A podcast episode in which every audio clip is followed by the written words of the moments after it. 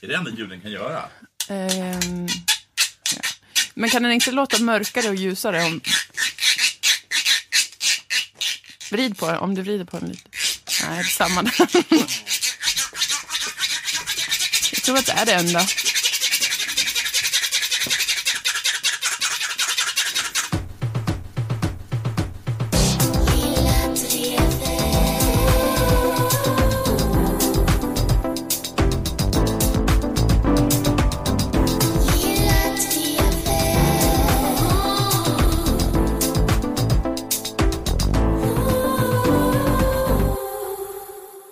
Då säger vi välkomna till 199 avsnittet av Lilla Drevet, en samtidskommenterande podcast för Aftonbladet Kultur i samarbete med Akademikernas A-kassa och fackförbundet Jusek på plats här i Malmö musikstudio. Den här veckan är jag, Ola Söderholm och Moa Lundqvist och Jonathan Unge. Hej på er! Hej, Hejsan. Det här är jubileumet innan jubileumet.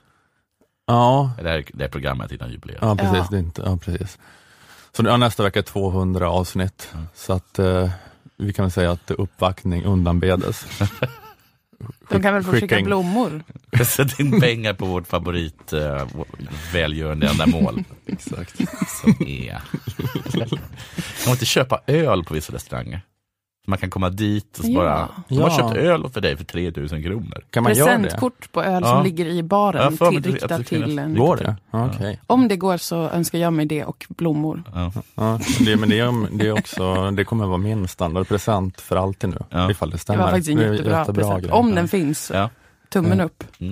Ja, ja. Eh, I alla fall, den här veckan ska vi bland annat prata om att eh, eh, Ulf Kristersson snackar skit om Sverige i Financial Ja, Times Negativ Sverigebild igen. eh, och om Jimmy Åkesson, eh, dels om hans föräldraskap och om hans relation till Runar Sörgard. Ja. Eller, gud. eller Runar Sörgards relation till Jimmy Åkesson. Så är det kanske. Jag vet inte. Jag tänkte först bara lite grann här ta upp Svenska Akademins tidigare ständiga sekreterare Sara Danius som gjorde ett sommarprat Mm. Ja. nu. Eh, väldigt emotsett sommarprat.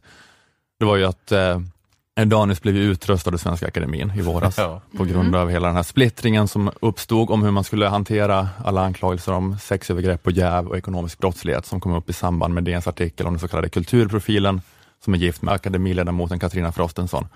Jag kanske får utgå från att folk eh, kan historien i stora, dra- stora drag. Ja. Eh, men eh, Sara Danius har varit tyst hela tiden egentligen. Horace Engdahl har varit ute och vevat mot henne. Men det här sommarpratet blev liksom gången då hon tog bladet från munnen Mhm. och förklarade vad som hände efter att eh, DNs kulturprofil, en artikel, slog ner. Har, har ni hört sommarpratet? Nej, Nej. lite bitar. Ingenting. Ja, Okej. Men det är då i alla fall att hon gör då en, hon, man kan väl säga att hon gör en ganska stark framställan av sitt eh, case. Mm. Att, eh, att det rätta var att tydligt erkänna att uppgifterna om övergrepp som framkommit hade hög trovärdighet, att bestämt klippa alla band till kulturprofilen, att göra den här advokatutredningen och överlämna den till polisen, att bestraffa Frostenson för jäv och brott mot stadgarna och arbeta för att förändra och förbättra rutinerna framgent. Och om bara akademimedlemmarna hade varit mindre besudlade av vänskapskorruption och eh, oförmåga till självkritik, så hade de kunnat vara med henne i det här moderniseringsprojektet hela vägen och det hade förhoppningsvis inte lett fram till den här situationen där Polarprisets dröm om att få samma status som Nobelpriset nu har gått i uppfyllelse. Men då inte riktigt på det viset Nej. eh, de tänkte sig. Nej. Men ja, men det, det är många som har hållit på att prata och skriva om det här de senaste dagarna, så jag tänkte egentligen inte ta upp eh, liksom, den stora grejen Har här i det pratet. hennes musik? Ja, jag tror faktiskt det, det, det, är, det, det är det jag zoomat in på här, en Jaha. recension utav Sara Danius sommarprat. Mysigt. Eh, Aftonbladets recension. Eh, och eh, Aftonbladets recensioner av sommarprat så har de en sån här snabb guide Mm. till pratet, där de sätter plus på pratet utifrån olika parametrar. Just det. Det är så här skvallervärde, humorvärde, Mm. Skryt, åfan, De en eh, åfanfaktor. objektiv bedömning. känslostyrka tror jag också är. Just det. Och eh, då läste jag den här då, snabbguiden om Sara Daniels sommarprat. Och det var då skvallervärde 5 av 5. Mm. 5 plus i Ja, är bra. Obviously, Ja. kan man säga. Nu Man, blir man, jag sugen på att lyssna. man kan säga att alla krisen i Svenska Akademin heads, eh, de, de fick ju sitt lystmäte. Ja. Ja. Det kan man ju säga. Sara Danius, slog han fast, var den av, citat, alla sekreterare sedan 1786 som hade lyckats sämst med sin uppgift. Slut citat. Kort sagt, Danius var sämst. Men hallå, Vad ska här, man säga om det? Det kommer inte an på tidigare ständiga sekreterare att säga något om vem som varit sämst eller bäst. Svårare än så är det inte. Det finns bara en domare och det är historien själv. En sak kan vi vara säkra på. Historien kommer inte att vara nådig vad dagens svenska akademi beträffar. I synnerhet inte när det gäller herr Engdahl, i den mån han överhuvudtaget kommer att bli ihågkommen. Mm. naturligt det lät. Det var bra mycket pauser, så man fick eh, reflektera över vad man verkligen hörde. Var det här som man manuset en sida långt? Du skulle ha gjort på det sättet. Om du bara hade lagt in en paus efter varje ord så hade du kanske bara Det låter inte som, behövt en, jobba men med att som skriva. när man var, liksom, gick i gymnasiet, man insåg att man kunde ha mycket liksom, större typsnitt, eller vad heter det? Ja, just Han det. hade på 18 punkter istället.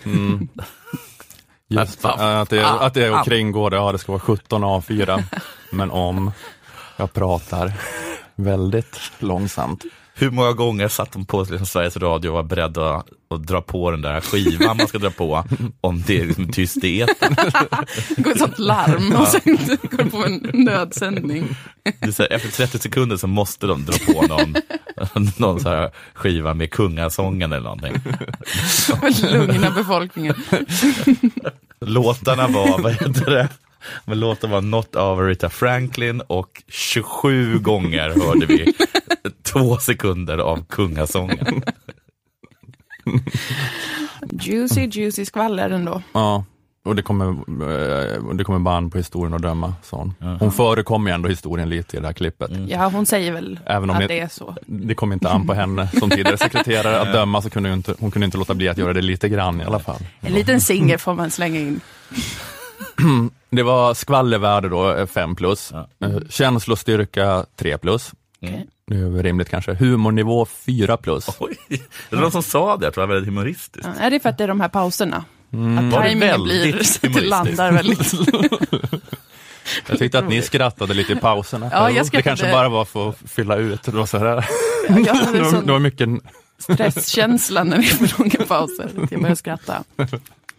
Men det kan man ju tolka som en humorpoäng där. Ja, just det. Hon jobbar med spänningen i rummet och tvingar dig att börja skratta. oss. Men var det så fyra plus? Ja, det var lite högt skulle jag säga. Det kanske fanns, hon höll på med så här, det är ju en ganska beprövat humorformat det där att man, så här, att man säger vad, vad det står i Svenska Akademins ordbok om Ja. vad jäv betyder, Jaha, vad vänskapskorruption betyder. Ja. Det kanske blir lite, lite roligare och fräschare i det här fallet eftersom att det är just Svenska Akademin Just som det. gör ordböckerna. Det blir ju en twist i sig själv. Eh, och det var väl kanske det.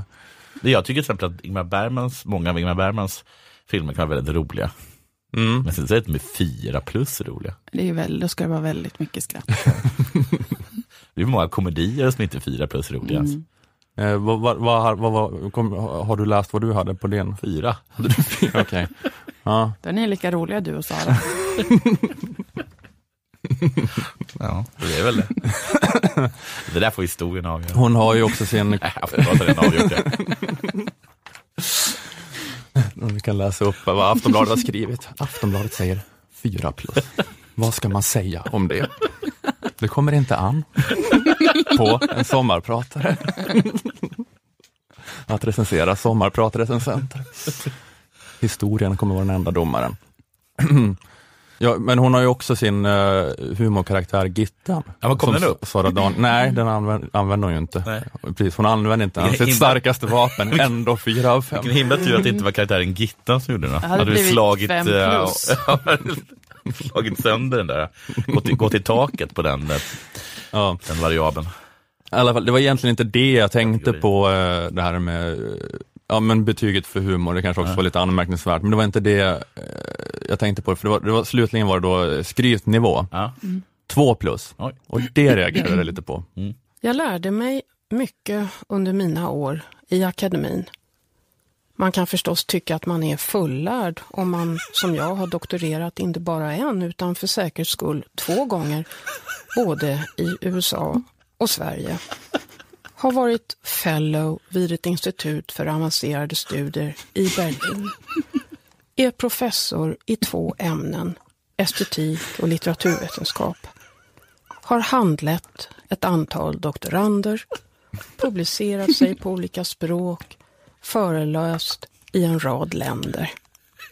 Men ni vet hur man brukar säga, man lär så länge man lever. Nu, hur är det, är det, där, det där är två plus. Kan vissla. Busvissla. Vissla med att sätta in två fingrar i munnen.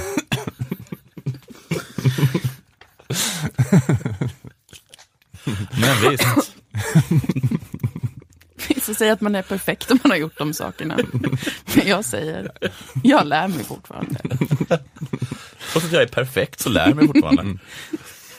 Ja, men jag tänkte ändå... um, Lite skrytigt var det va? Ja, det, två, men, ja, det var mer än två. Och det var ändå, man förstod inte riktigt hur det förde berättelsen framåt heller. Till exempel det, det här det här återberättandet av hennes CV. Sju meter med liten boll. Höjd 1,45. Saxade jag.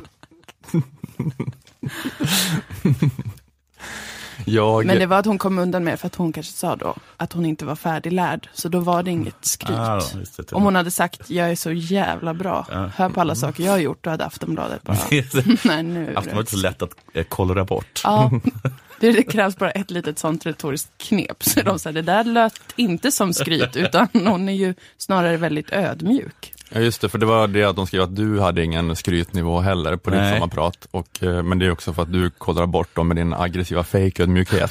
Som, är, som, som är mycket, mycket värre än skryt. som vem som helst annars kan genomskåda. Jag också- Förutom Aftonbladet recensenter. Jag tog också upp min fejk ödmjukhet. Och det jag tror, på- det sättet ko- kollade jag bort Aftonbladet. Ehm, nej men det är, um, ja, men att det var två plus det där ändå, då är det, då är det ändå mindre skrytet än genomsnittet, borde det Ja. rimligtvis vara. Ja. Man tänker att tre av fem är någon slags genomsnittsskryt.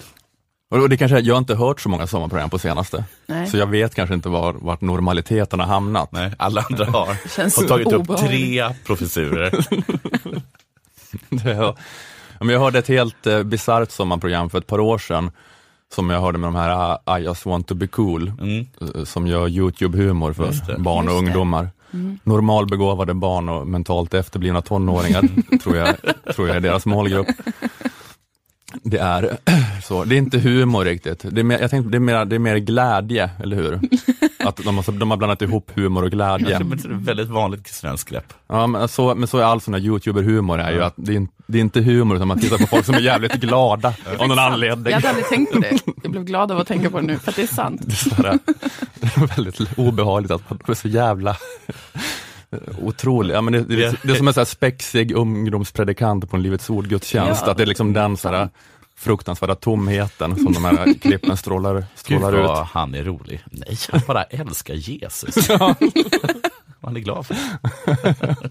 Han har uppspärrade ögon och skrattar hela tiden. Skrattar Vilken rolig Till och kille. med när han spiller smoothie. Alltså, Superskojig eller hysterisk kille Ja. träffade jag på igår. Humoristiskt geni. Han testar guacamole och har uppspärrade ögon och skrattar hela tiden. Det här är vad jag kallar humor. Eh, nej, jag vet inte vad, vad de gör i de här klippen, men typ sånt. Men, eh, ja, men herregud, det, det är väl för barn, så jag ska inte hålla på. Nej. Eh, men, eh, men i alla fall, men det hörde jag. Det är ett program jag har hört de senaste åren och de satt bara i 90 minuter och läste upp hur många visningar deras klipp hade. och, hur många följare de hade i olika kanaler. Det var hela programmet. En miljon, en och en halv miljon på det här klippet. Så här många följare har jag på Instagram. Hör man producent skrika i bakgrunden, nu måste vi ta en låt. Nu måste vi ha en kort låt. Men jag bara antar att det liksom har blivit någon slags norm nu då Ja. i sommar. Om det här bara är två av fem. Ja. Ja, jag vet inte. Nej, men jag, jag, jag, jag känner bara att det är, en sån, det är en oroande normalisering av skryt i vårt samhälle. Ja. När något som för bara tio år sedan tror jag hade varit en solklar fyra minst, nu är bara en tvåa. Det bara är, säger något om samhällstrenden. Ja. Det är sånt där med att retweeta beröm, det tänker jag på hela tiden. Ja. Att det var för några år sedan var det, det var bara de riktiga galningarna som gjorde det. Jag Och nu- tycker att det är ett stigma, eller vad säger man? Att det inte man Jag reagerar på det som att någon gör någonting fruktansvärt. Ja men nu gör alla det, gång. alla gör det och de kan inte, jag, tror, jag tror att de inte försvarar det med något annat än att så många gör det nu, som att det gör det okej. Ja. Att mängden liksom gör det okej. Eh, men jag ser er. jag, jag fortfarande ser och noterar det varje gång. Jag har kan jag bara säga jag till har alla som... mutat er alla, så jag ser er inte någonsin igen. Jag eh, har mikroaggressioner 20 gånger om dagen istället. Jag har valt att leva mitt liv så istället.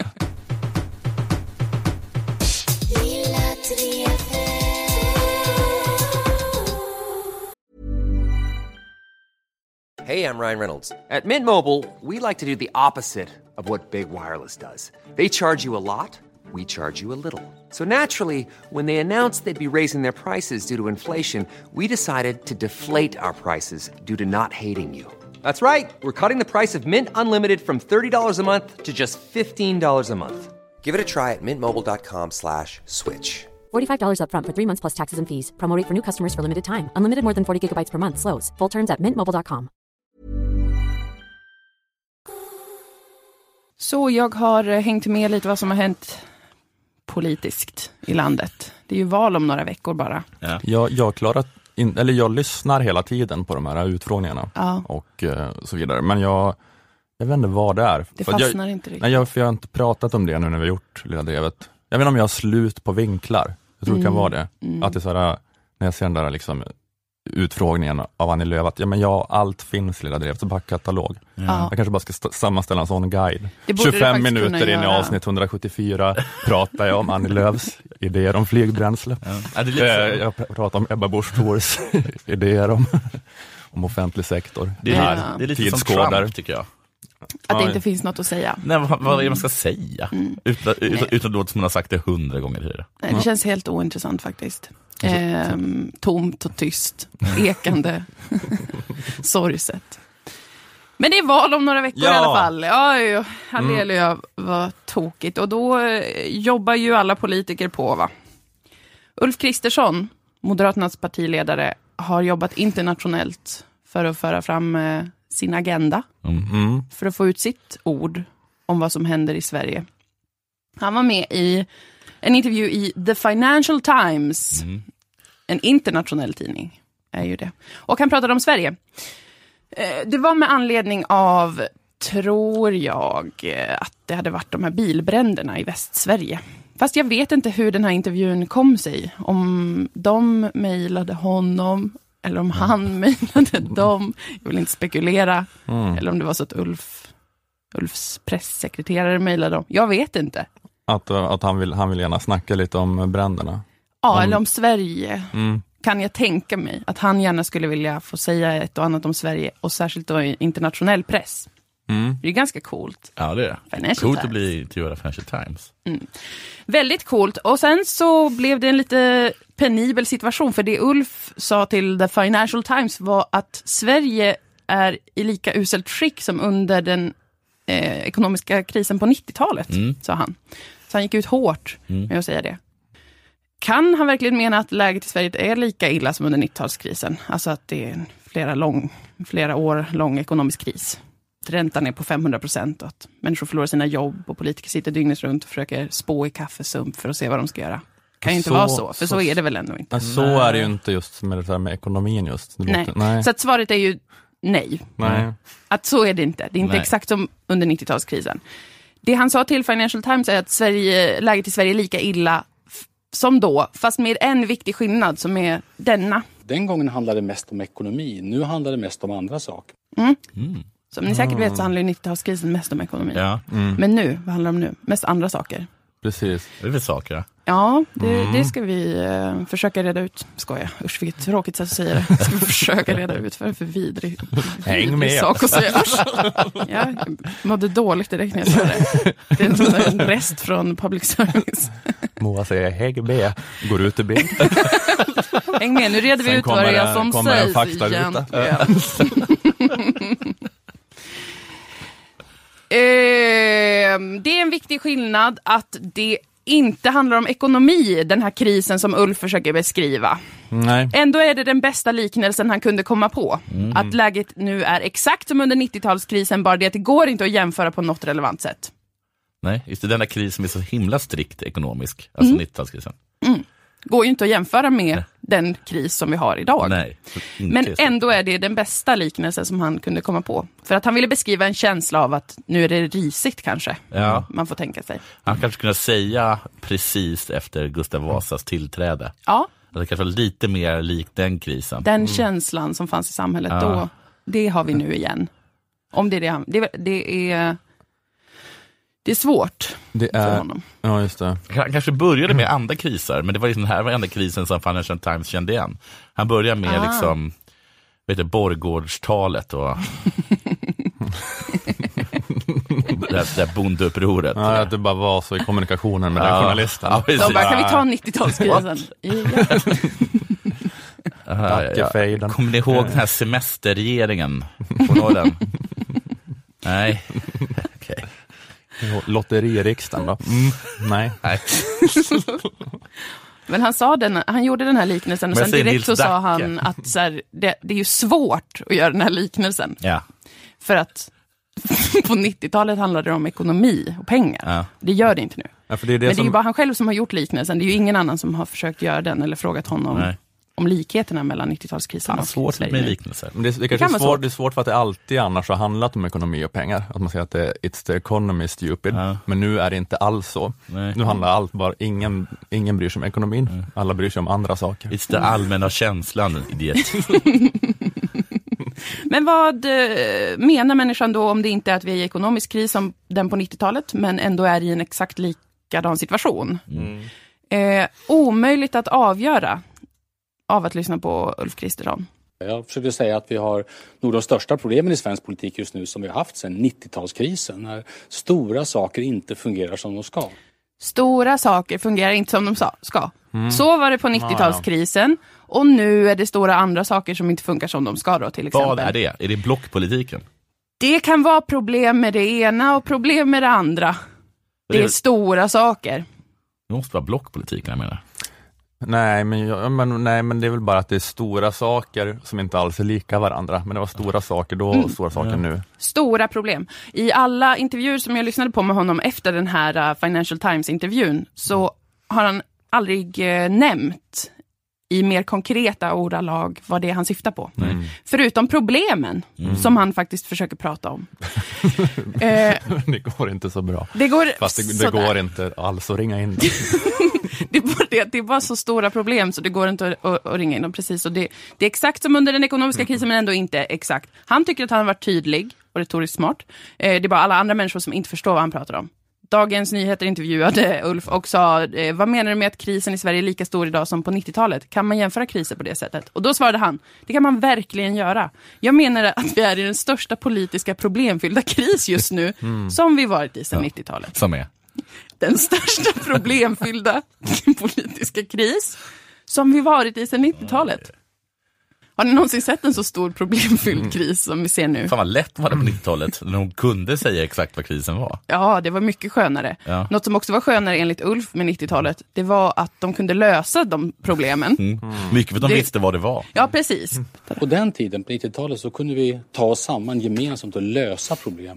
Problemen löstes på 90-talet, men var står vi idag? Ja, vi har inte löst problemen i alla fall. Nej. Det är ju stora problem. Men Ulf vill ju med politikens kraft kunna vinna valet och lösa problemen. Alla de här stora sakerna. Som är då exakt som under 90-talskrisen, men ändå exakt inte som det, utan stora problem. Vidare, Magdalena Andersson, ni känner till. Hon reagerade på Ulfs eh, ofina sätt att gå ut i internationell media och säga att vi har problem som på 90-tal, 90-talet under ekonomiska krisen. För hon säger det skrämmer iväg investerare och det gör så att vi förlorar jobben i Sverige. Kom igen Ulf, du förstör eh, Sverige, sa hon. Vi älskar ju jobb. Och nu går Ulf ut och drar smuts över oss. Och skrämmer iväg alla unga sådana Mark Zuckerbergs från Sverige. Ulf svarade på Magdalenas kritik ganska direkt för att han vill försvara rätten att prata om problemen. Alltså, problemet är inte att man pratar om problemen. Problemet är att problemen är stora, så vi måste prata om dem. Är det tydligt nog för er? Problemet är inte att man pratar om problemen, problemet är att problemen är stora, så vi måste prata om dem, fattar du väl Magdalena din dumma kärring. Då vet jag att problemet är inte ekonomi eller att vi inte talar om problemen. Nej, det har vi gjort jävligt klart för oss. Det handlar inte om att vi är i ekonomisk kris. Det handlar om att det är stora andra saker, men de stora andra sakerna är inte att vi inte pratar om problem, för nu gör vi väl ändå det. Nu börjar vi ringa in. Ja, Ja, eller så gör vi gör inte det heller riktigt. va? inte jättekonkret. Men det, men det är alla utländska investerare blir, drar liksom öronen till sig för att de märker att i Sverige har de jättestora men väldigt vaga problem. Låter- som de inte riktigt...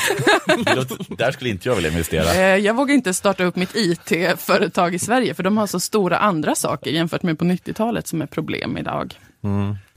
Ehm, Men nu pratar vi ju ändå om problemen, så att på ett sätt har ju Ulf fått igenom sin vilja att det är viktigt att vi pratar om problemen. Det är stora problem.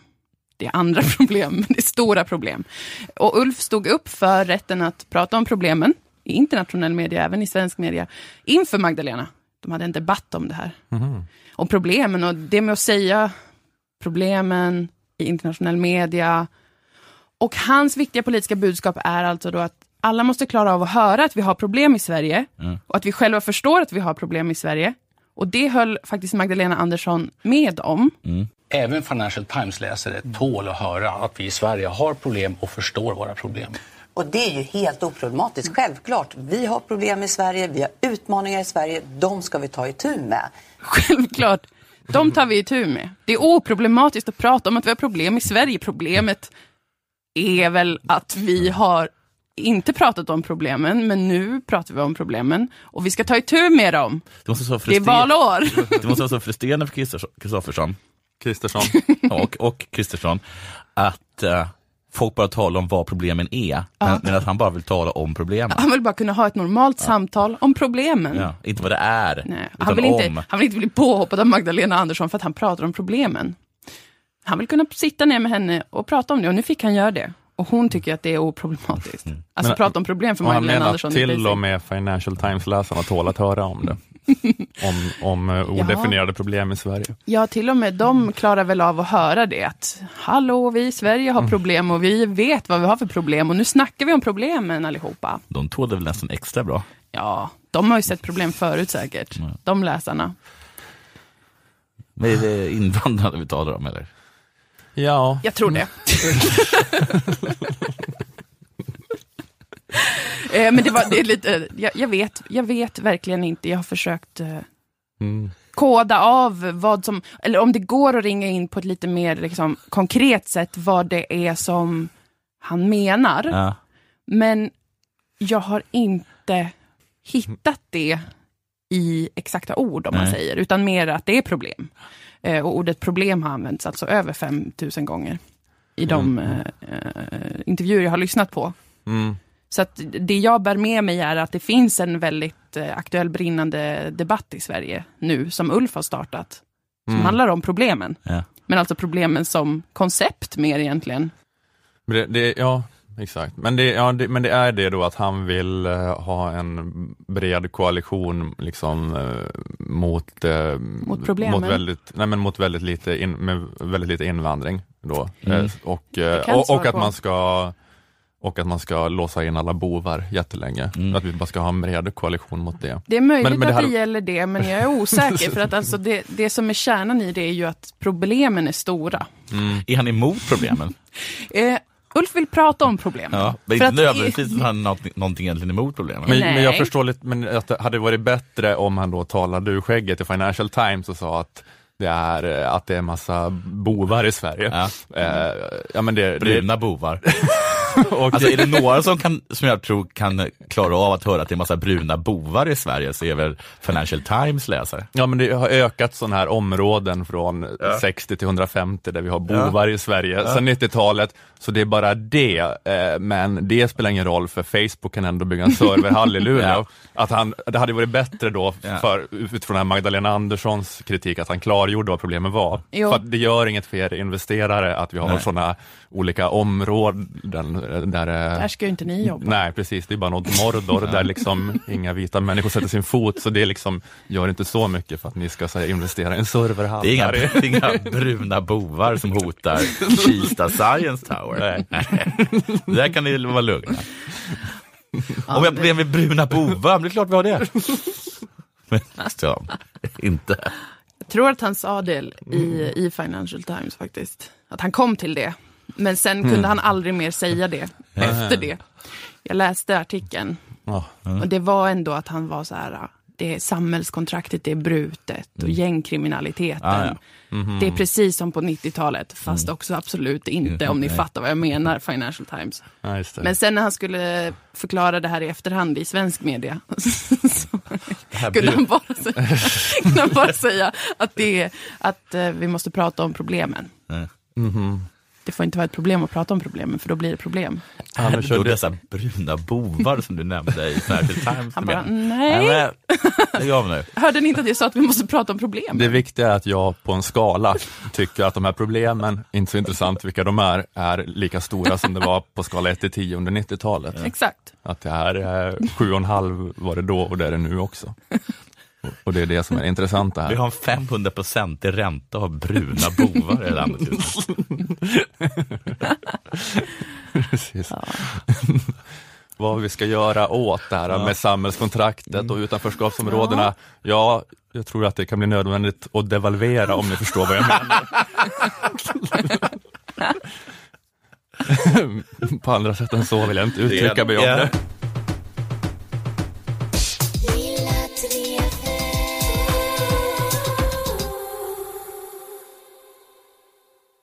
Eh, Akademikernas a-kassa har ju förutom att eh, sponsra oss satt upp en Spela Shoreline-sten i Göteborg. Okej. Har ni, har ni hört om det? Ja, den Nej. flyttade till Stockholm väl? Ja, det fanns en hyllningssten till Broder Daniel i Slottsskogen där det stod Spela Shoreline, då, men den togs till ett museum i Stockholm tidigare. Var den så gammal? Jag vet inte riktigt. Det är som så här, britterna plundrar Egypten, vägrar lämna tillbaka det. Sån Stockholms kolonialpolitik mot Göteborg. Fruktansvärt. Har Vi har tagit, om- vi har tagit uh, Hisingebron också. De tar ju Glenn Hussein och stoppat upp honom. Så på Stadsmuseet i Göteborg, i Stockholm. vidriga nyheter. Avenyn har flyttats in på Naturhistoriska. Men, eh, men den togs, eh, den togs då till ett museum eh, och, eh, i Stockholm. Men nu eh, till Way Out West så ersatte Akademikernas a-kassa den och placerade ut en ny sten. Ja, för- så det var, det var ett rån? Tog de? Tog Ja, Stockholm de tog den. Ja, ja, precis. Jag vet inte exakt hur det gick Kan till. bara göra så? Kan Stockholm har de alltid rätt? Varje stockholmare har rätt att ta vad de vill från vilken stad i Sverige som helst och sätta det på ett museum Har i Stockholm. stockholmare rätt att så här, lägra en, eh, en icke-stockholmares fru på, på, vad heter det, på bröllopsnatten? Skyddade i lagen för att göra det. När man, eh, när man ska begrava en stockholmare så skickar man ut stockholmaren på en båt tillsammans med 20 lantisar. Och sen så liksom, när den är en bit ut i vattnet så skjuter någon en brinnande pil på båten. Så att liksom, så att så Stockholm får kremeras med de här 20 kvinnliga lantisarna. Vilket fruktansvärt land. Jag visste inte att det var så här hemskt. Ehm, ja, men de, eh, Okej, men vi står på de goda sida som ersatte Ja, de ersatte Borg. den stenen under Way Out West. Jag vet inte ifall den bara skulle stå under Way Out West eller ifall den står kvar. Ja, skitsamma. Då, Stockholm då, har tagit den också. då, då, Precis innan festivalen började. fint gjort. Ehm, ehm, Fortsätt ni att sätta upp stenar. De kommer ha ett helt bara spela Shoreline-stenen museum i Stockholm. Men, eh, det, ja, men det var fint gjort av akademikernas. Också fint att få en känsla av mening och ontologisk trygghet genom att vara med i akademikernas a-kassa. Eh, att vara med i a-kassan, det är ett måste nästan. Att inte försäkra sitt hem eller sin bil ses ju som eh, barbari i princip. Och lika självklart ska det vara att försäkra sitt arbete. Eller skaffa vapen. Eh, akademikernas a-kassa är för dig som är eller är på väg att bli akademiker. Kostar endast 110 kronor i månaden och då får du vid arbetslöshet upp till 20 000 i månaden. Eh, läs mer på akademikernas.se om hur du gör för att gå med. Där kan du också med hjälp av akademikernas räknare räkna ut vilken ersättning just du skulle få vid arbetslöshet. Jusek är fackförbundet för dig som är eller är på väg att bli jurist, ekonom, systemvetare, personalvetare, kommunikatör eller samhällsvetare. Går du med i Jusek får du stöd på en rad olika sätt i karriären. Framför allt får du del av Juseks inkomstförsäkring som ger dig 80% av lönen upp till 80 000 kronor. Att vara med i Akademikernas och Jusek kostar 351 kronor sammanlagt. Är du redan Akademikernas medlem lägger du alltså bara till 251 kronor för att också få vara med i facket.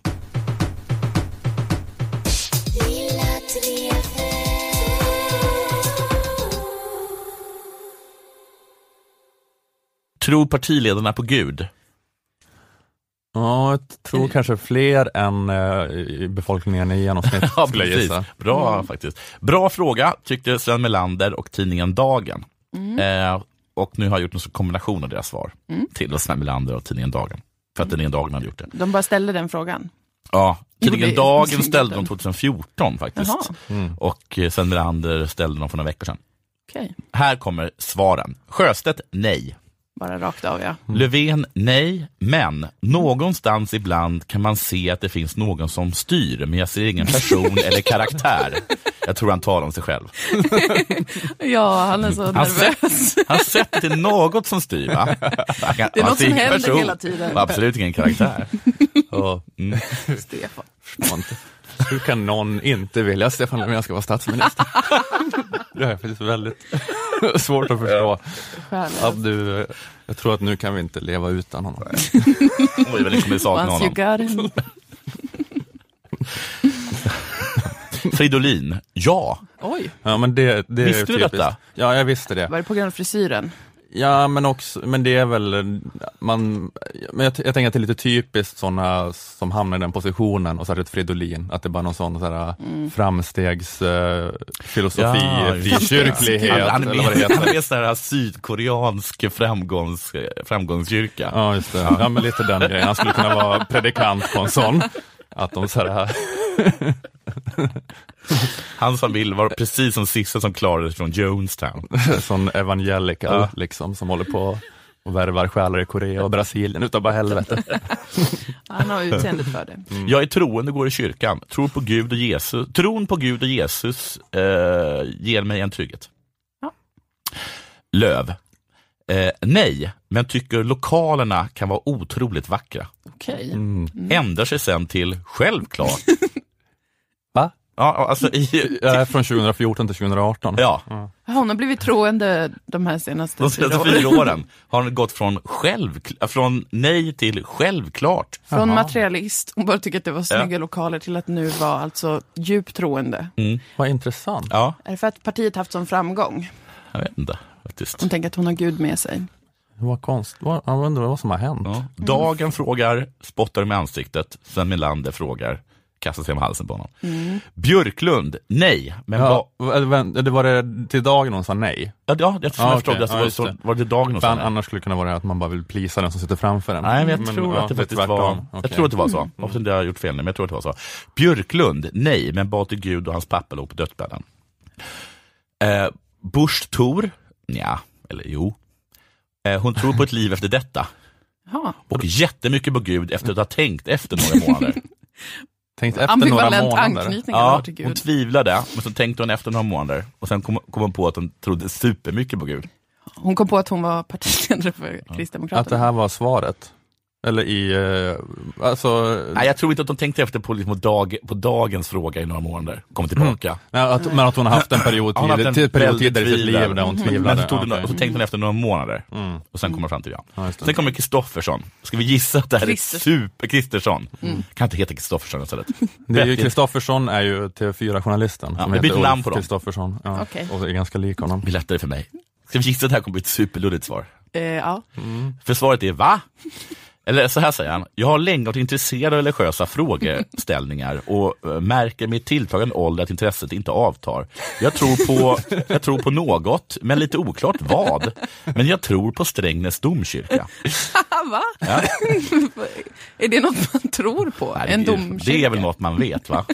Det är blir kri- Jag tror på Gud, men jag vet Strängnäs domkyrka. han är som bara som en jävla, han är som någon sån bara som en sån här, s- så här trevlig seminarieledare Mm. som aldrig säger någonting. Jag vet inte. Kan hålla en föreläsning och både nazisterna och judar applåderar. Ja, precis. Ja, någon slags- Det är Ingen, ingen, eh, ingen älskare. Nej. Alla, alla tyckte att det var okej. Jag har någon slags o... Eh, Fortsätter o, han alltså? Ja, ja. Mm. Jag har någon slags o, eh, de, odef- odefinierad gudstro, men den är inte kristallklar. Nej. No shit Sherlock. Det håller jag verkligen med om. Jag gick ur kyrkan när jag var 18-åring eftersom jag inte uppfattade mig som troende. Men många år senare gick jag med efter att alla barn döpts i kyrkan och jag själv inte har några andra planer än att bli, bli begravd där. Fu- Okej, då- jag trodde först, det hade varit roligare att jag hade läst fel som vanligt. Jag tror att han hade skrivit så här, men många år senare gick jag med efter att alla barnen döpte i kyrkan och jag har ju själv inga planer på att bli begravd. Det hade varit lite mer eh, Kristersson, men nu har han, Han aningen mer klar. Ja, just det. Också, Han, han är, eh, ja, men han, och han tror på Gud, och man med tro på Gud menar det praktiska kring hans eh, Begravning. begravning. mm, precis. Om jag kommer att bli begravd? Ja. Det var inte frågan. Kristersson. Eh, Åkesson, Gubben. vi återkommer till det. För i måndags hölls ett väckelsemöte i Uppsala för Jimmy Åkesson. Och den som höll i det var ingen mindre än Runar Sögaard. Carolas ex. Just det, för våra yngre lyssnare så kan jag berätta att Runar Sögaard är en norsk frikyrkopastor, eller något i närheten av en sådan i alla fall. Och han var riktigt stor i Sverige på 80 och 90-talet. Främst han gifte sig i Livets Ords kyrka med Carola. Carola är en sångare som på den tiden sjöng även då det inte var jul. Sen hade han ett förhållande med Agneta Sjödin som på den tiden inte var andlig utan mer var en programledare på Fortet. Han har även gjort en uppmärksammad musikvideo med Thomas Brolin, Björn Borg och Dr. Alban. Och vilka de är orkar jag inte gå in på. Nej. Det får ni googla, yngre lyssnare. Han säger idag att han är chef och ledarskapsutvecklare och mental tränare åt fotbollsproffs. Säger han det? Ja, Eller sedan, vet vi att han är sedan det? Eller? predikan också emellanåt, Ja. påstår han. Just det. Eh. Fotbollsproffs men, men han, är ju det liksom, eh, det som eh, vi lite skojar om att Gustaf Fridolin skulle kunna vara. Han, Ja. han, han är ju det full on. Ja. Han är ju en av de som är mest renodlad arketyp Ja. för en sån Verkligen. eh, bondfångare. Han stannade kvar i Jonestown men eh, blev oskadad. Runa blev utfrågad om detta väckelsemöte av tidningen Dagen och här kommer lite från den artikeln. När du säger att det är ett väckelsemöte, vad menar du? Det är ett utspel. Jag älskar att väcka människor. Det har jag stor passion för. Nu handlar det inte om att väcka människor, nu handlar det om att väcka människor inför valet. Jag tror att vi står inför ett ödesval. Men Runar Sörgård säger att han själv inte är med i kampanjen för SD, utan han kommer att ställa tuffa frågor. Men samtidigt betonar att det är viktigt att låta Jimmy tala till punkt. Nu är det jag igen som talar, man måste vara så övertydlig med. Detta väckelsemöte hålls eh, faktiskt som en reaktion på Livets Ords pastor Joakim Lundqvists predikan där han varnade kristna för att rösta på SD. Och det, det eh, höll inte Runar med om. Inför mötet frågade också Dagen hur de- hur denna vurm för SD liksom lirar med eh, den kristnas hållning till flyktingfrågan. Så nu är det Dagen igen då. I stort sett varenda kyrkoledare säger sig vilja stå på flyktingarnas sida och kämpa för en generös flyktingpolitik. Vad säger du om det? Det är kanske dags att börja läsa Bibeln, säger han då. Oj då. Bam! Burn. säger jag. Det var jag som sa det. Ja. Nu är vi tillbaka till dagen. Det är så klart och tydligt att Gud satt landsgränser, det är något som Bibeln säger. Många pekar på motsatsen, att se flyktingen. Absolut, nu är det Runa som svarar. Ja. Därför bör man läsa Bibeln och ta reda på varför Gud satte landsgränser. Bibeln säger också att vi ska ta oss an fattiga, moderslösa och främlingar, det är självfallet. Men argumentationen som förts från dessa personer är beklämmande, att Jesus också var flykting. Men han åkte inte till USA eller Finland, utan till närmast liggande land. Ja, ja. Okej. Bibeln säger att man ska få hjälp i närområdet. Exakt, det är bara att läsa Bibeln. För Runa syftar alltså på Egypten såklart, Ja, dit Jesus precis. Och var vänlig och bortse ifrån att vare sig USA eller Finland, Finland fanns då, eller för den delen med eller att ta sig dit, alltså flyg. Bortse från det, för det gör Runar. Nå, hur gick det då, detta, denna veckosmöte? Blev det tuffa frågor? Vi vänder oss åter till dagen och jag citerar. Någon tuff utfrågning var det inte frågan om. Snarare var mötet en krattad manege som Åkesson utnyttjade väl. Och för att ni ska förstå exakt hur välkrattad manegen var kommer här ytterligare ett citat i artikeln. Få personer har impo- imponerat mer på mig än Jimmy Åkesson. Så nu när han börjar, det är faktiskt så han börjar. Okej. eh, Alltså han börjar predikan så, eller? ja, liksom, det är inte ens predikan, det är Nej. en sorts, han, han, tydligen så går han ut på scen, tar en mikrofon och säger Få personer har imponerat mer Ja. på mig Jimmy Åkesson. Någon med en elgitarr står bredvid. eh, få personer har imponerat mer på mig än Jimmy Åkesson. Då ska ni ändå veta att Runar mötte Jesus. Han fortsätter och talade om hur han själv förstod vad Åkesson levt under då han varit då även Runar då varit utsatt för förtal och lögner Ah. i många år. Jag förstår den press man kan uppleva när man är dömd av ett helt land, säger Sögaard. För våra yngre lyssnare så syftar det här Runar på när Sverige inte fann det jättegrejt att vår mest älskade sångerska gick och gängade sig med en bullglad norsk predikant i fars. Samt att han blev hårt kritiserad för att han 1996 eh, skjutit ett rådjur från sitt sovrumsfönster. Det minns jag, det Mm. En stor nyhet. Det är den våg av hat som han då kände igen sig med. Var det 96? Ja, Och det är ett av mina tidigaste minnen i livet. Ja. Den nyheten. det är en sån där grej. Det och man vet när Olof Palme och prinsessan Diana dog, samt när Runar Sköt ett oskyldigt vackert rådjur från sitt fönster. Det mest obegripliga, bli ihop med någon beslutet som fattas av den som hade mest valmöjligheter i Sverige. Vår sötaste, mest älskade tjej. Alltså en norrman i pars med en hagelbrasa över axeln. Ständigt letandes efter det. Något med stora ögon. Eh, men det diskuteras såklart också det här med andlighet och gudstro. Och här kommer från Nyheter idag, det som jag ska ta nu. Säga vad man vill om nyheter idag, men de låser i alla fall inte in sitt innehåll bakom betalvägg som Svegot. Åkesson passade även på att berätta att han ber till Gud varje dag. Jag känner mig eh, trygg med det, även fast jag inte har, jag har ingen kristlig tradition som du och många andra, han menar då Runar, och med andra menar han kristna då. Att få prata av sig med någon som inte finns där, men, men, nej, att få prata av sig med någon som finns där men som inte finns där. Han syftar då på Löfven. Jag ser inte honom som en jultomte som man kan be om saker, utan någon man kan få prata av sig med, berättar då Jimmy till Sörgard om varför han ber till Gud. Det Ber kost- till Gud varje dag säger han. Varje dag. Det, är- jag tror han eh, ljuger. Det är himla ofta. Det är varje dag. Jag tror, jag tror att det är påhittat. Det kostar inget. Och jag brukar skämtsamt säga, varför skulle jag inte be? Ja. Efter hans mindre lyckade skämt. Eh, det här kommer från Expressen. Sögaard frågade vad Åkesson kan om Bibeln. Jag har läst ganska lite i Bibeln. Det var lite under konfirmationen. Om folk frågar om jag är troende så säger jag, om Gud är en uppsättning av värderingar, då är jag troende.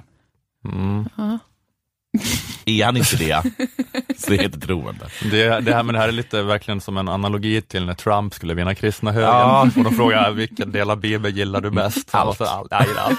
Det är helheten. Har du inte någon favoritvers eller någonting? Nej, det jag- går inte det går. Jag kan inte ta saker ur sin kontext. Kontexten åsen. Men Jimmy gör den offensiven nu då. Ja. Ska, måste hålla på och försöka bluffa sig igenom sådana här väckel, väckelsemöten. Nu till sakfrågorna. Det här är också för nyheter idag. En av de brännande frågorna från Sögaard var Sverigedemokraternas syn på adoption. Och Sögaard frågade om hans sons syster, som är adopterad från Afrika, är lika mycket svensk som en infödd svensk. Och på detta svarar Åkesson ja, utan tvekan. Puh, sa Carola, Carolas barn. Åkesson kallade även Björn Söder för en enorm Israelvän som troligtvis älskade Israel mer än Sverige. Så Åkesson det. Vad var det för sammanhang? De bara pratade fritt i flera timmar. De stod och ropade ut Det var olika två personer som hade a stream of consciousness som, som ibland klickade. Och Åkesson kallade även Björn Söder för en enorm Israelvän som troligtvis älskar Israel mer än Sverige. Alltså Björn Söder. Ja, ja. Det är det, det, är det, det jobbiga, tänker jag, det här med liksom för israeler eller för liksom människor som brinner för den judiska nationen, Ja. att eh, det är ju härligt med stöd Ja, jag vet. från mycket judar, men sen finns, det, så finns det stödet som är obehagligt också. att Björn Söders Jag har faktiskt vakt. extrema kärlek till Israel är, man känner att det kan också slå över i något som kanske Ja, inte bara är positivt för vår sak. Jag har, faktiskt, jag har faktiskt varit på en demonstration eh, för, för Israel. Eh, och så, samlades man liksom på, jag tror på Ravallenbergplatsen. Och då fanns det liksom längst bak ett gäng personer, med de enda som hade liksom som hade väldigt mycket flaggor som stod längst. Och det var, det var, de, det var typ Livets Ord. Och det var, och så var man verkligen kompis som man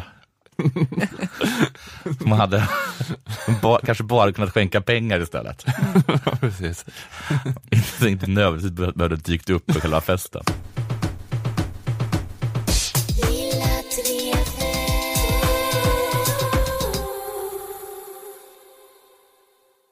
Jag hörde på eh, kvinnorna som, eh, som är vikarie för er i den här Delamondo-podden. Ja, Dela Q. Ja, precis. De har eh, poddat i några avsnitt i er feed när ni haft sommarlov. Hopp. Och eh, en podd som heter Dela Q. Då. Och de, de nämnde vid något tillfälle, eller det var två, två av dem, tror jag, Anna och Moa, de pratade om att de delade erfarenheten av att det var en att det var en vanlig grej under uppväxten att deras familj, eh, deras föräldrar hånskrattade åt dem. Jaha. Att eh, om man hade en idé om något man ville göra till exempel så bemöttes det med hån, denna hånskratt. Ja. Eh, och, och jag, jag relaterar till det och jag tror att, att det är en observation som stämmer på samhällsnivå.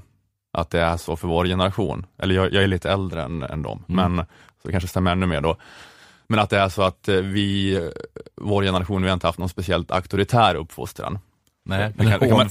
Ja, vi hade det ändå lite tuffare än vad dagens barn har det eftersom att vi växte upp med att våra föräldrar småretade oss Ja. eh, hela tiden. Och jag tänkte på det när jag hörde, när jag hörde eh, SD-ledaren Jimmy Åkesson eh, i P1s partiledarutfrågning och det plötsligt började handla om hans barn. För de höll på att gaffla om den här SDs propagandafilm om sossarnas historia.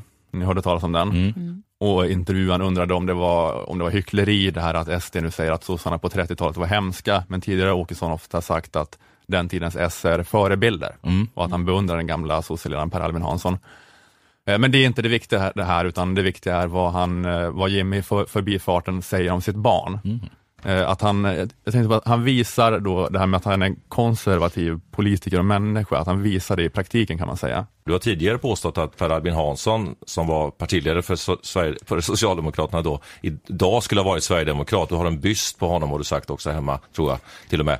Har du omvärderat det efter att ha sett filmen? Eller inte en byst, men ett foto eller något sånt där tror jag. Jag har ett foto på Per Albin. Ja. Just nu står det i klädkammaren för min son är rädd för, för Per Albin Hansson av någon anledning. Han är rädd för svartvita foton. Han tror att det är döda människor på svartvita foton. Men efter Ja. Jag tänkte bara att han visar sin konservatism här. Ja. Att jag skulle säga att det här är inte typiskt föräldrabeteende för en person som är född 79, som Jimmy är. Men det är väldigt typiskt 50-talist föräldrabeteende att sälja ut sitt barn på det här viset. Att berätta det som en rolig anekdot för några middagsgäster inför, såhär, såhär bara, ja, Ola han kommer ju springande in till oss i natt. Vi sa, vad är det? Han sa, jag är rädd för Per Albin. Det är sant. Jag tänkte att han curlade barnet genom att gömma det Ja, fotot. precis. Det är att Man den borde hänga upp det ovanför hans säng. hade liksom fyllt li, lilla Jimmys eh, rum med fullt med svartvita. Ja, exakt, men det, är, men det är för att vi har den bilden av konservativt Ja. föräldraskap som är ju liksom från en utdöd generation vid det här laget. Ja. Att det är så här, att man så här slår dem på fingrarna och håller på sådär. Men, Man hör någonting skrika längs, eh, längs vad heter det, vägen på väg mot Fotografiska museet. Då är det, då är det Jimmy som lär Lill-Jimmy ja. hur hur man kar är. men, då, men, då, det, men då är det för att vi tänker att ja, han ska vara konservativ som en 20-talsförälder. Ja, men så ja, är det inte. Han är nej. konservativ som en 50-talistförälder. Men jag menar att dagens föräldrar skulle inte ha gjort har sålt ut sitt Nej. barn på det här viset, de, för de är så himla noga med att respektera barnets känslor och det, barnets tolkningsföreträde och dens upplevelse ska vara totalt i centrum. Så här, de är så, åh, då, förstår, då tar vi ner bilden. Och 50-talistföräldern tar ju också ner bilden på Per Albin, men gör det med ett litet hånleende. Ja, precis. För det, Skriver en krönika, eventuellt går in i en partiledardebatt med. Jag tror att det är döda personer. ja, eller berättar det på nästa middag, liksom Ja, då, om man inte har tillgång till media. För det är ju så det var att, att det var så i vår generation att det var ingen som förbjöd oss att göra något så här man ville. De bara retade en lite för det. Att man var så här, åh jag vill i nyårspresent vill jag ha Ace of Base Happy Nation på C90. Och då fick man ju den.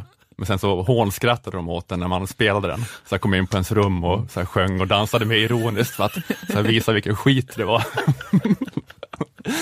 man var ju intresserad av. Men nu till exempel när något barn i samma ålder sitter och tittar på någon sån där youtuber, någon sån där gravt infantil värmlänning som gör innehåll för nioåringar. Så här bara, åh, kolla han testar fidget spinners. Då ska man ju säga, vara så här, wow, vad coolt. Sitta och så är det helt genomsponsrat innehåll här. Det är så här, åh, han gör Marabou challenge. Då ska man sitta bredvid och titta och bejaka det här intresset ens dumma unge har.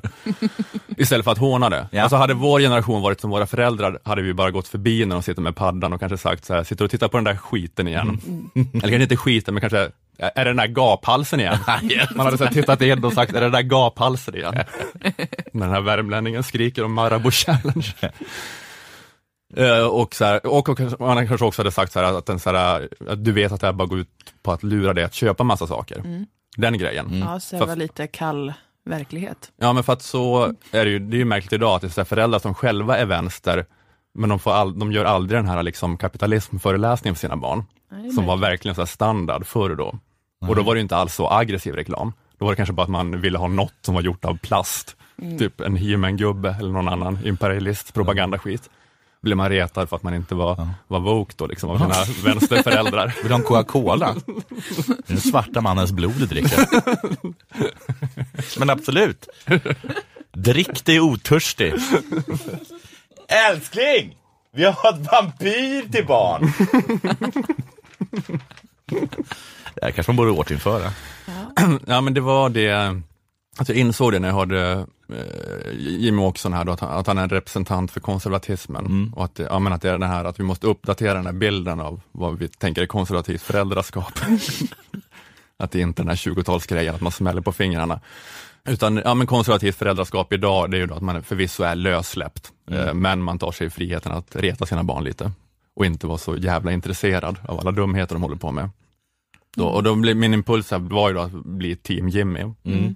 Det är så man känner, Ja, att allt, allt som jag fick uppleva tycker jag att det är sunt för barn att uppleva idag också. Jag ser fram emot när Jimmys barn börjar flossa. Jag ser fram emot att få se de bilderna på Insta. Och någon sorts ironisk emoji under. Vad bra han är. Han dansar. Någonting sånt. Lite Jimmy. Men, ehm, ja precis, det var ju, ja, jag, känner- lite team så, inte, inte att jag, jag blev inte mer sugen att rösta på SD, det har inte riktigt med SDs politik att göra, men ifall jag blir uppringd i en sån här, svara på mitt personliga förtroende, vad har du för förtroende för partiledarna? Några mer poäng för Jimmy Åkesson här, för att han håller på och retar sina Ja. barn. Men absolut, nu är man mycket mer sugen på att ta en öl med honom. Man kommer få höra en del historier. Vad har det lilla Pucko att hitta på nu då? Ja, ja men det, jag vet inte, ja, men man kände så här att det eh, fanns det ett syfte med det här att man lite grann retade sina barn, Mm. att man var lite mild hånfull mot dem. Att det är ju så att man ska inte, man ska inte slå sina barn om de, gör, om de gör fel. Men om man inte ens retar dem när de gör fel, blir det för lite, att man inte bankar in någon jante i dem alls liksom. Ja. men det är att alla blir, ja, jag, ja, jag, jag håller jag, med. men om det hänger ihop med att barn är så, den här Ja. empowered skiten, jag är bäst, jag är en hjälte. Ja, jag inte. Ja, men det, man, man får den här konservativa impulsen att de ska ha det som jag hade det. Och det kanske var viktigt det här med så här milt hånfulla föräldrar Mm. som liksom såg ner på alla ens intressen. Det kanske Ja. fanns en poäng med det. Eh, Och inte så här satt sig på knä och ropade wow varje gång de liksom håller på med någon jävla skit. Liksom. Nej. Jag, kommer, jag har säkert berättat det hundra gånger, men jag, hade, jag fick ju en stor bok som heter eh, Djur, Djurens värld i fyrfärg. Mm. Jag gick omkring- hade, hade den här stora boken, så jag gick och sa till att jag var djurexpert. Så åkte vi taxi en gång, pappa satt, satt alltid fram. Och så, så berättade jag då för, för att jag var djurexpert. Så då fick pappa nog bara, du är ingen jävla djurexpert! Du, ingen, du vet ingenting om djur! Djurexpert! Får du lägga av. Och då, då, då lärde jag mig att jag kan inte gå omkring och titulera mig utan att ta med på fötterna. Jag är ingen bra Sara. Daunius eller vad hon heter. Jag var Eh, bara men det, men det, här, ja. det här uppväxande släktet, de kommer alla ha det liksom som sin titel, typ på Eniro, det kommer stå djurexpert. För att de vet vad kaniner och får är. Har så himla många titlar. Vad är det ni håller på att uppfostra? Det här är en nyhet för mig. Professor i glass, Skräckgenerationer. fysiklärare. Är det verkligen det? Bäst i hela världen på kreativitet. är jag.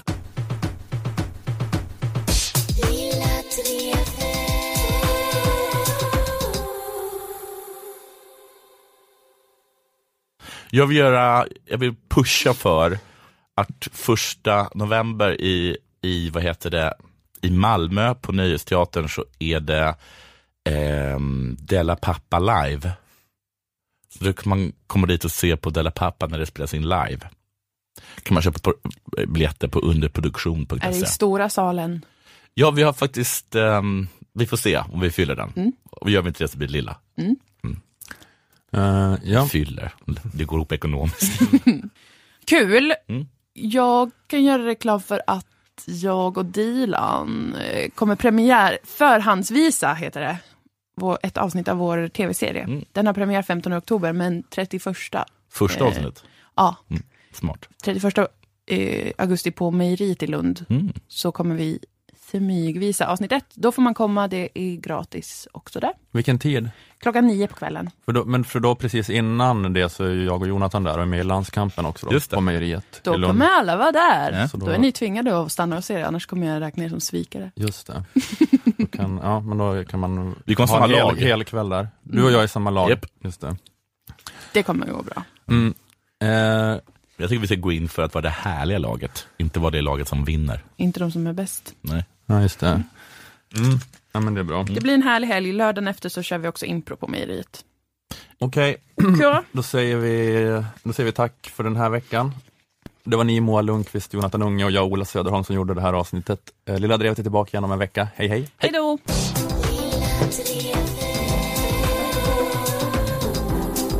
Ja, precis. Just nästa vecka kunder runt